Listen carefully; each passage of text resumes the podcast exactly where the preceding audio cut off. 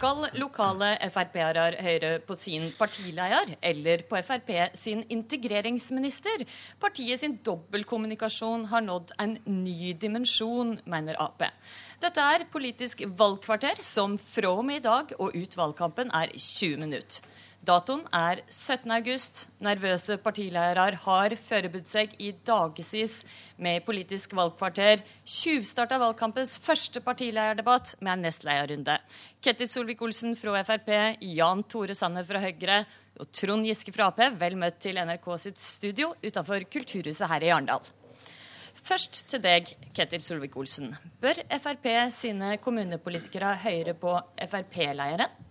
Som ber deg si nei til å ta imot flyktninger, eller integreringsminister Solveig Horne, også fra Frp, som ber kommunene ta imot flere.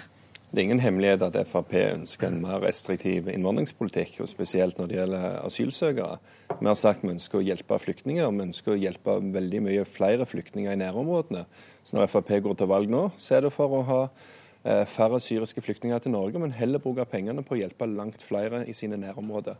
Hvis så dere hører på Siv Jensen og ikke Solveig Horne? Som eh, parti så er vi veldig tydelige på det standpunktet som Siv Jensen har. Så er Solveig Horne forplikta som eh, statsråd i å følge opp de vedtak som Stortinget gjør. Men hadde Fremskrittspartiet fått bestemt i Stortinget, så hadde vi òg der sagt nei til de 8000 syriske flyktningene. Heller brukt eh, de pengene på å hjelpe langt flere i nærområdene rundt Syria.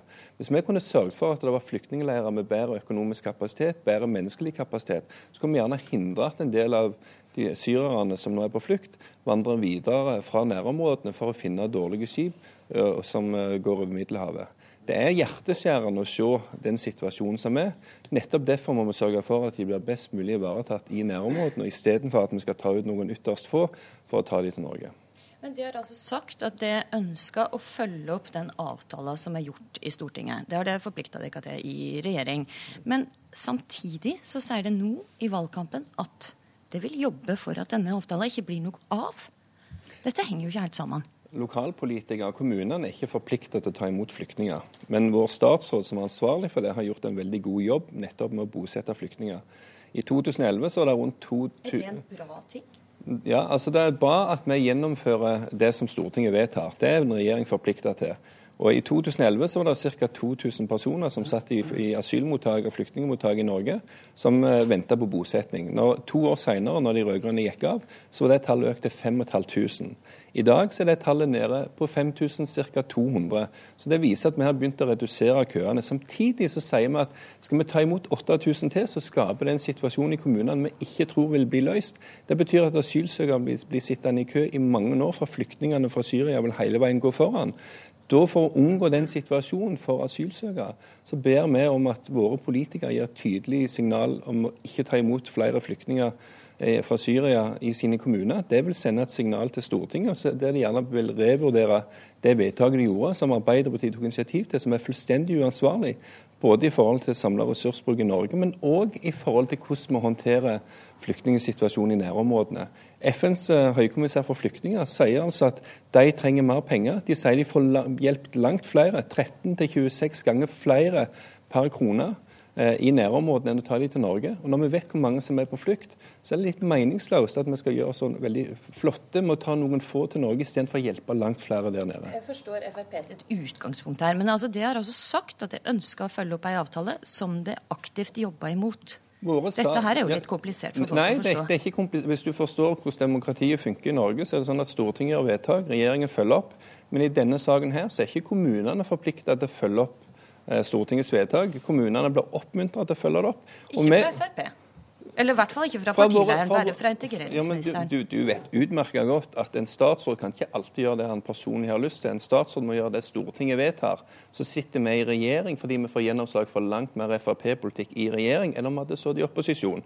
Men i denne saken her så tapte vi i Stortinget. og Da må vi i statsråd Frp følge opp det vedtaket. Og Solveig Horne har vist at hun klarer å bosette langt flere flyktninger og asylsøkere enn det Arbeiderpartiet klarte. Så det men vil du skryte av, men så vil du samtidig nå si til kommunene takk nei til flere flyktninger. Ja, nettopp fordi at dette er en viktig valgkampsak der eh, velgerne nå får lov til å si hva de mener om det vedtaket som ble gjort i Stortinget. Dette er jo et vedtak som er veldig omdiskutert i befolkningen, som Arbeiderpartiet og andre bare peiste på. Riktignok så, så de selv galskapen i vedtaket sitt med å nedforhandle eh, landsmøtestandpunktet sitt fra 10 000 til 8000 uten at uten at de trengte. Det er jo et klart signal om at Ap ser dette ikke var fornuftig. Men okay, en statsråd må følge opp Stortingets vedtak. Fremskrittspartiet mener det vi alltid har meint. Skjønner. Jan Tore Sanner, nestleder i Høyre. Er du mest enig med Siv Jensen eller Solveig Horne i dette spørsmålet? Det var et veldig godt spørsmål. Eh, Høyre er en del av den avtalen som er inngått eh, i, eh, i, i Stortinget. Eh, statsministeren har eh, avklart at eh, regjeringen selvsagt følger opp det som er vedtatt i Stortinget. Og så syns jeg det er helt uproblematisk at vi i en valgkamp, at partiene gir uttrykk for det de faktisk mener. Så jeg har lyst til å gi si at dette er sabotasje av et stortingsvedtak som din regjering er satt til å gjennomføre. Har KrF og Venstre misforstått helt det, da? Statsministeren har avklart eh, det spørsmålet. Eh, statsministeren har eh, sagt at regjeringen selvsagt følger opp det som er vedtatt i Stortinget. Og så må vi ha jo, aktivt vil jobbe jo, mot vi må, dette. For, vi må ha respekt for at i et demokrati så gir partiene uttrykk for hva de faktisk mener. Og dette er ikke noe nytt. Under den rød-grønne regjeringen så tok SV dissens i åtte saker i asyl- og flyktningpolitikken. De demonstrerte mot regjeringens eh, Afghanistan-politikk. slik at dette er ikke noe nytt at partier som også sitter i regjering, kan ha litt ulike synspunkter. Knut Taril Hareide sier at det må være pinlig for Høyre å forsvare Frp i dette spørsmålet. Jeg syns Frp klarer å forsvare seg eh, fint på, på, egen hånd. De gir uttrykk for hva de mener. Men det er ikke har, helt jo, ukomplisert? Jo, det er, det er, ukomplisert. fordi at i et demokrati så, så vil selvsagt partiene gi uttrykk for hva de mener i et valg. Og så følger regjeringen opp det Stortinget har vedtatt. Dette formulerte også Jens Stoltenberg på en veldig god måte da SV tok alle sine dissenser. Da sa Stoltenberg at i et demokrati må man respektere at andre har andre synspunkter og vurderinger. Hvis man ikke kan respektere det, så kan man i hvert fall ikke lede en flerpartiregjering. Slik okay. er det at partiene må kunne gi uttrykk for hva de mener, men en regjering er forpliktet til å følge opp det Stortinget har vedtatt, og det har både Frp og Høyre sagt at vi skal gjøre. Trond Giske i Arbeiderpartiet, du kaller Frp sitt eh, utspill for eh, dobbeltkommunikasjon i en helt ny dimensjon. Eh, blir du klokere av det du hører her? For det første så er det jo eh, interessant å kunne lene seg tilbake og høre to regjeringspartnere eh, kalle hva var det Solvik-Olsen sa, fullstendig uansvarlig, kaller han den politikken som Høyre eh, står for. Det tror jeg er rekord i ordbruk mellom regjeringspartnere, selv om det kunne gå en kule varmt også i eh, vår tid. Eh, bare, nå, nå, nå, snakker jeg, Kjetil Solvik-Olsen. Ja, nå snakker jeg. Ja, men, ja. La Giske få snakke nå.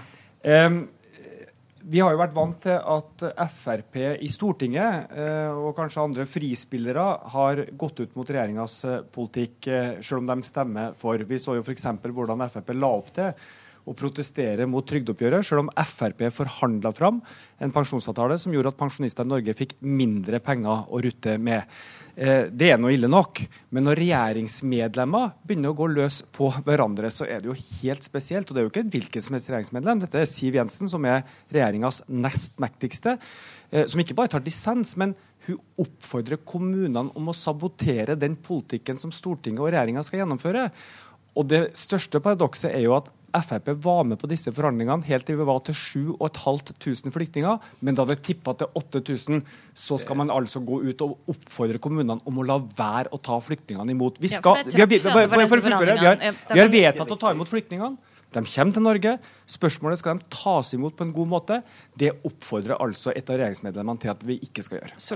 Her, her mye, to, to, av regjeringsmedlemmene. Ja, her er det mye omtrentligheter og feilaktigheter. For det første, Frp var imot pensjonsreformen når den ble behandlet. Det er ikke rart at Fremskrittspartiet fortsatt mener at det pensjonsoppgjøret som nå ble gjort basert på Arbeiderpartiet som pensjonsreform, er altfor dårlig.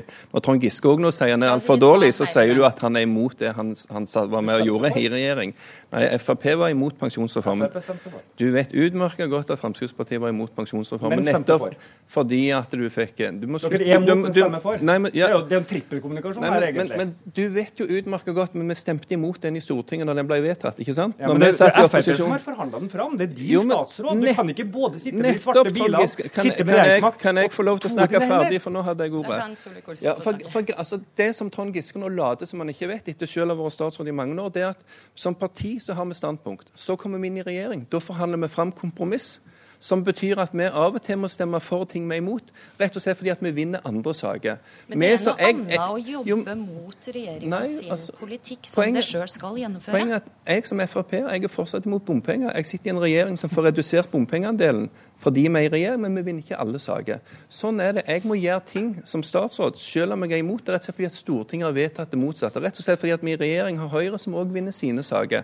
Sånn er det, og det burde ikke overraske Trond Giske.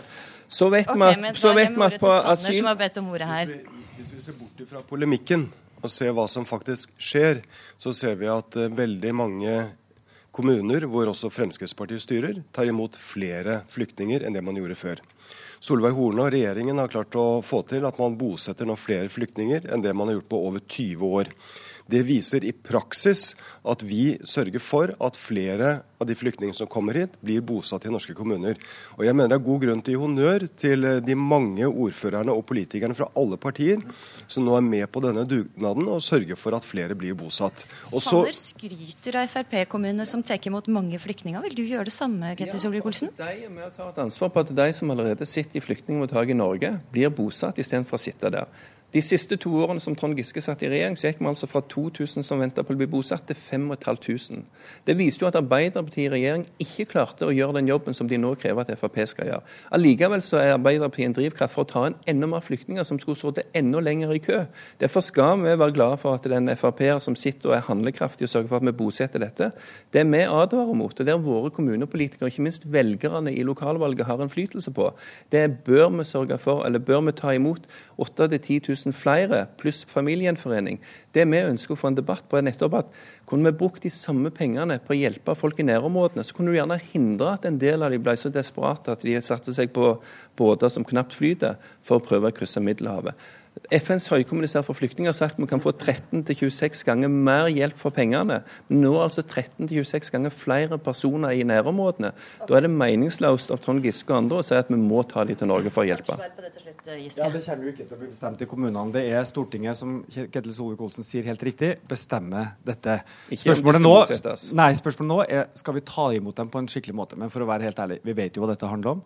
Det handler om at når det blir valgkamp, så må Frp få opp en eller annen flyktning- og innvandringssak istedenfor å snakke om 118 000 arbeidsløse, som Siv Jensen absolutt burde snakke om, rekordhøye bompenger eller rekordhøy bensinpris eller statlig eldreomsorg eller pensjoner som blir kutta. Dette vil ikke Frp snakke om. De vil heller snakke om 500 okay. ekstra Jeg snakker mer enn gjerne om at vi vil ha en annen pensjonsreform med bedre pensjoner, lavere bompenger, lavere bensinpris. Lavere bompenger får vi i hvert fall ikke med Frp. Det, det, tror jeg velgerne har oppdaga. Du vet utmerket godt at bompengene er redusert med 2 milliarder kroner sammenlignet med rød-grønn regjeringspolitikk. Vi skal med skifte tema her i Politisk kvarter og takke av Ketil Solvik-Olsen og Jan Tore Sanner. For det er ikke bare partilærerne som er er spente og nervøse i dag. Det er også tusenvis av skolebarn som har sin første skoledag. Og kanskje til og med Trond Giske kjenner på litt eh, nervøsitet eh, når han senere i dag lanserer si nye bok 'La læreren være lærer'. Der foreslår du at kommunene ikke lenger skal forhandle lønn for lærerne. Det mener du staten skal gjøre. Hvorfor mener du det? Det var jo slik det var fram til 2003, da det ble vedtatt å flytte forhandlingsansvaret til KS. Eh, det stemte også Arbeiderpartiet for. Jeg personlig var uenig i den beslutninga. Eh, jeg mener at det ga en mindre mulighet til å sørge for at lærerne har eh, gode lønns- og arbeidsvilkår, til å se helheten i skolepolitikken, arbeidstid, lønn, nye reformer i sammenheng. Du vil gi lærerne bedre lønn. Det kan staten gjøre, og ikke kommunene. Altså, KS prøvde jo i fjor å få til endringer i arbeidstidsavtalene. Eh, og det endte i en av de lengste lærerkonfliktene vi har hatt, og en tynnslitt tillit mellom eh, skolemyndigheter, skoleeiere eh, og lærerne. Vi har ikke råd til den type dype tillitskriser mellom lærere og, og skoleeierne. Og vi trenger å gjøre læreryrket attraktivt for unge mennesker. Vi trenger de beste unge menneskene inn i læreryrket. Da må vi ha økt lønn. Men vi må også ha reformer på arbeidstid og arbeidsform. Og det tror jeg staten er i best stand til å få til, denne samla eh, løsninga, fordi at vi rår eh, fra nasjonalt hold over disse andre rammene, som må ses i sammenheng med økt lønn. Torbjørn Røe Isaksen, kunnskapsminister fra Høyre, velkommen til vårt studio her i Arendal. Hva syns du om ideen fra Trond Giske? Jeg er enig med Arbeiderpartiet i denne saken her. Eh, det vil Si at jeg mener at forhandlingsansvaret burde ligge i kommunene, sånn som Arbeiderpartiet også har ment i ti år. Og så er det, er det nok, som, som, Giske sier, at det kan være noen fordeler med at staten har et forhandlingsansvar, men jeg mener ulempene er enda større. Jeg må bare peke på tre ting. For det første vil det være veldig sentraliserende. For hvis staten nå skal ta tilbake forhandlingsansvaret fra kommunene, så vil sannsynligvis veldig mye av skolepolitikken også følge med. Og da kan vi raskt endre, ende i det Giske sa i en debatt i går at han var for, nemlig at staten må ta over skolene. Det tror jeg ikke er en god idé, at Skole-Norge skal styres fra et kontor i Oslo. Det andre er at det er jo tross alt kommunenes innbyggere som skal betale for disse utgiftene.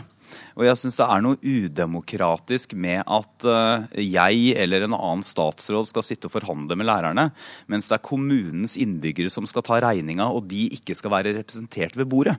Jeg syns det er et veldig godt prinsipp generelt at den som forhandler, også er den som betaler til slutt. For det første så mener ikke jeg at staten skal overta skolene, så det er veldig greit om kunnskapsministeren holder seg til kunnskap når han diskuterer. Du sa det i går, det var derfor jeg nevnte det. Jeg sa at i New Zealand så styrer staten skolene, så det er mulig å ha en sånn ordning. men jeg sa at jeg ikke er for det, så bare hold deg til fakta. Så at Arbeiderpartiet ikke kommer til å være for det. Så hadde vi altså inntil 2003 en ordning hvor staten forhandla lønna med lærerne. Eh, I eh, de siste årene der var lærerne en soleklar lønnsvinner. En av de tingene vi fikk til, var da jeg var kunnskapsminister, et lønnsløft på lærerne på 50 000 kroner historiens største, mot at vi også fikk til en bedre organisering av skolehverdagen. Det var betydningsfullt for lærerne, for rekrutteringa, men mest av alt det var betydningsfullt for elevene, fordi de fikk mer tid med læreren. Og det vi ser nå i skolen, er at altfor mye tid går bort til andre ting enn læring, undervisning, samarbeid mellom lærer og elev. Men og jeg ønsker å få til en får en mer tid med læreren sin av at det er staten og ikke kommunene som forhandler lønn? Eh, nei, ikke, altså Det er jo ikke forhandlingspartneren i seg sjøl som får til det, det er jo forhandlingsresultatet. Men det er staten som bestemmer timetallet i skolen, det er staten som bestemmer regelverket for skolen, det er staten som bestemmer eksamenssystemet, det er staten som bestemmer skolelengden. Alle disse tingene styrer vi. Og da må vi også ha hånd over lønns- og arbeidstidsbestemmelsene, sånn at vi kan få til en bedre organisert skolehverdag og et lønnsløft. Det er ikke udemokratisk. altså. altså. starta i fjor høst, så var det storstreik i Skole-Norge. Og svært steile fronter. Viser ikke dette at eh, KS ikke lykkes helt i jobben de har? Det var åpenbart at man ikke lykkes eh, godt i fjor. Eh, det er helt åpenbart. Og at tilliten mellom partene da var tynnslitt. Eh, men, men jeg synes ved siden av det demokratiske argumentet, så ville jeg også tenkt, hadde jeg vært da En ting er Trond Giske som mener dette, men også Arbeiderpartiet som mener det samme som meg.